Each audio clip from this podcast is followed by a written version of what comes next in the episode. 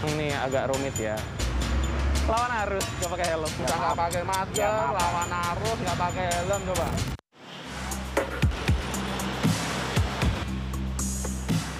Keberadaan parkir liar di ibu kota benar-benar menjengkelkan. Tak jarang, mobil maupun sepeda motor yang parkir hingga memakan badan jalan membuat perkara kemacetan di Jakarta makin runyam.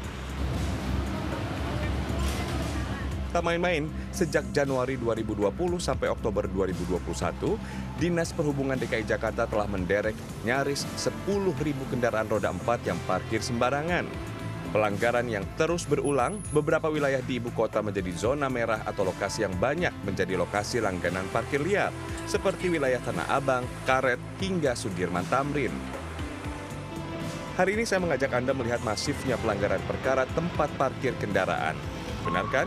Baru 10 menit patroli, kami sudah menemukan satu pelanggar. Jangan marah kalau diderek ya.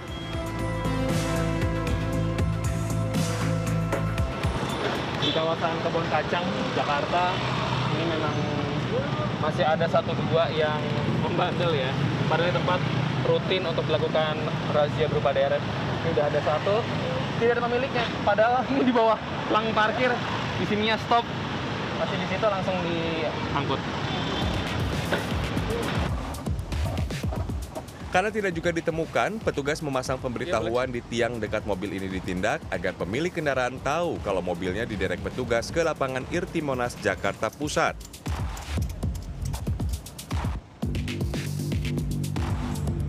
Kami kembali bergerak. Ternyata berkendara di jalan protokol tak membuat pengendara roda 4 disiplin berlalu lintas.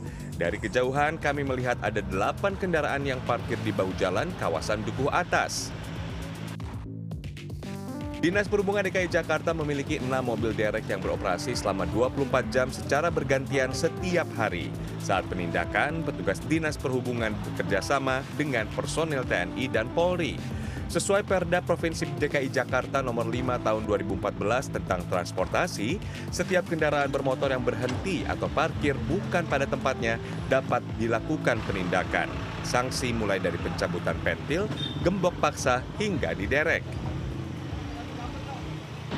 Di kawasan di kawasan Tanah Abang ini memang eh, tidak hanya mobil pribadi ya, tapi memang beberapa mobil-mobil box untuk mengangkut barang dan menurunkan barang ini di tepian jalan bukan di tempat yang sudah ditentukan ataupun sudah ada.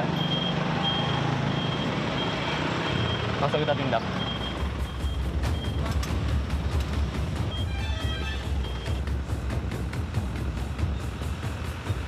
Saya pun berhitung, sudah 25 kendaraan roda 4 yang diderek. Selain mobil pribadi, truk hingga taksi juga tak luput dari penindakan. Duh, jangan bandel dong kakak sopir. Kan sayang uang dendanya bisa buat beli susu anak atau paket data internet. Berarti lagi pas ada parkir tadi, kemudian ada ke kos anak tadi sebentar, kemudian pulang udah nggak ada, jadi kena derek. Itu bayarnya gimana nanti, Bang? Oh kita langsung saya sih langsung ke dinas perhubungannya sih, langsung bayar di tempat di Apakah- kantornya.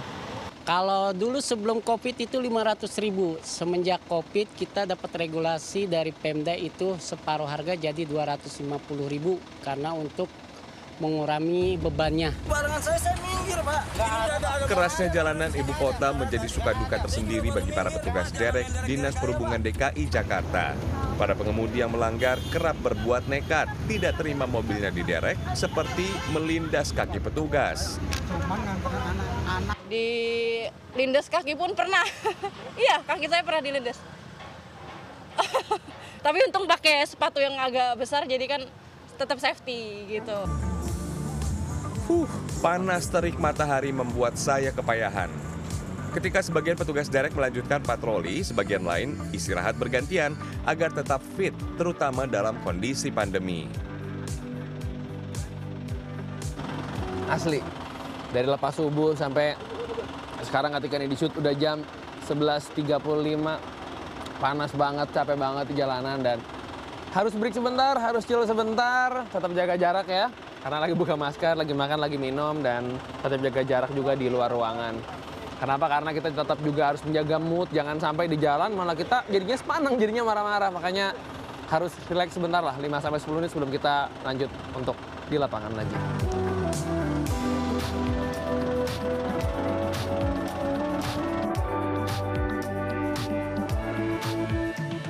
Selain melakukan penindakan dengan derek, Dinas Perhubungan DKI Jakarta juga ikut dalam operasi lintas jaya. Tugasnya mengawasi dan memastikan kendaraan angkutan barang atau penumpang, mobil bak terbuka, truk, bus maupun taksi layak jalan atau lolos kir.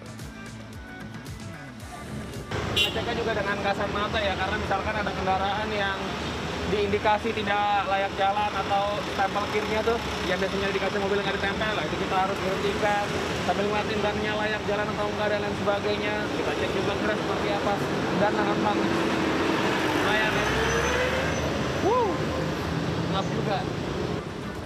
Ya. tidak membawa surat yang ditentukan jadi mau tidak mau ini akan dibawa ke bagian terminal barang di kawasan Pulau Gadung, Jakarta Timur dan akan di stop operasi untuk sementara sampai 14 hari. Oke, harus diingat-ingat untuk selalu membawa surat yang telah ditentukan. Oh, ada lagi.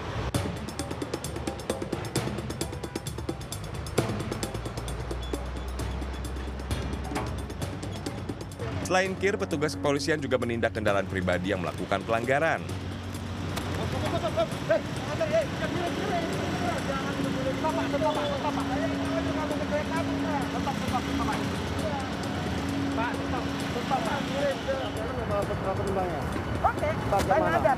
Mana helmnya?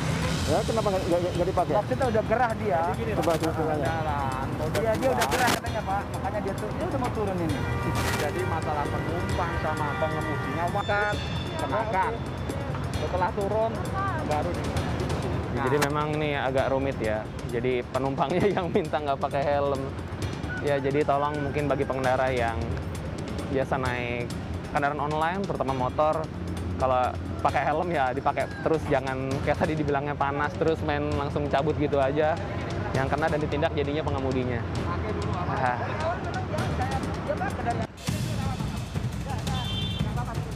Ada polisi, ada di subnya.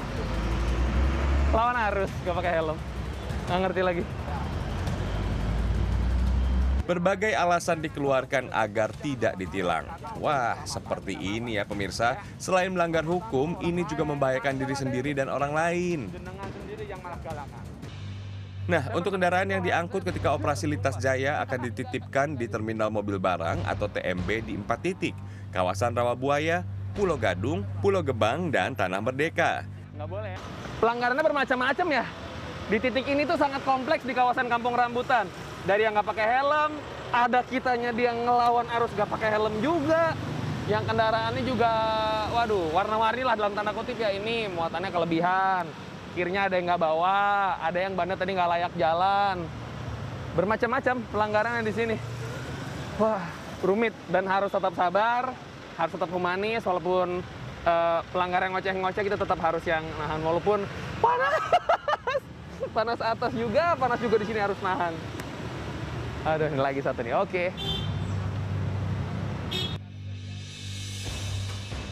Untuk yang belum tahu pentingnya uji KIR, ini dia jawabannya. Setiap hari UPPKB Pulau Gadung melangsungkan uji KIR kepada 500 kendaraan, baik kendaraan bus, pick up, mobil traktor head, sampai bajai. Kendaraan yang telah mendaftar secara online akan masuk ke loket drive-thru. Sesuai dengan Perda nomor 3 tahun 2012 tentang retribusi daerah, bus dipatok biaya Rp87.000 dan bajai Rp71.000. Setelah dokumen lengkap, kemudian dilakukan cek identifikasi unit, mulai dari rangka sasis, uji nomor kendaraan, cek lampu sen, lampu utama, lampu belakang, lampu sen, sampai kondisi ban. Setelah itu masuk ke bagian selanjutnya, uji emisi. Untuk kendaraan di atas tahun produksi 2010, presentase opasitas maksimal 50%. Dan kendaraan di bawah tahun produksi 2010, presentase opasitas maksimal 70%. Bila ada satu bagian yang tidak lolos, maka tidak mendapat surat KIR dan dapat melakukan perbaikan serta melakukan uji ulang tanpa dikenai biaya tambahan selama termin waktu satu bulan. Untuk mencegah pemalsuan kir dan memudahkan petugas yang melakukan pengecekan di lapangan, terdapat kode barcode yang ditempelkan di bagian muka kendaraan sebelah kiri. Bagi kendaraan angkutan umum barang yang dalam hal ini wajib uji kir, itu sudah kami integrasikan database-nya ke Dinas Lingkungan Hidup, ke Pemprov DKI Jakarta, sehingga tidak perlu melakukan uji emisi. Karena kalau sudah layak jalan, sudah pasti lulus uji emisi. Wah, ternyata rumit ya jadi seorang petugas dinas perhubungan. Selain harus ekstra sabar menghadapi emosi para pelanggar, petugas juga harus paham mengenai pasal-pasal yang dilanggar oleh pengendara. Bukan untuk cari-cari kesalahan. Penegakan aturan semata-mata untuk keamanan berlalu lintas di jalan raya. Sampai bertemu di episode Sehari Menjadi berikutnya. Rian Fernando, Dwi Agung Yuldiarto, Jakarta.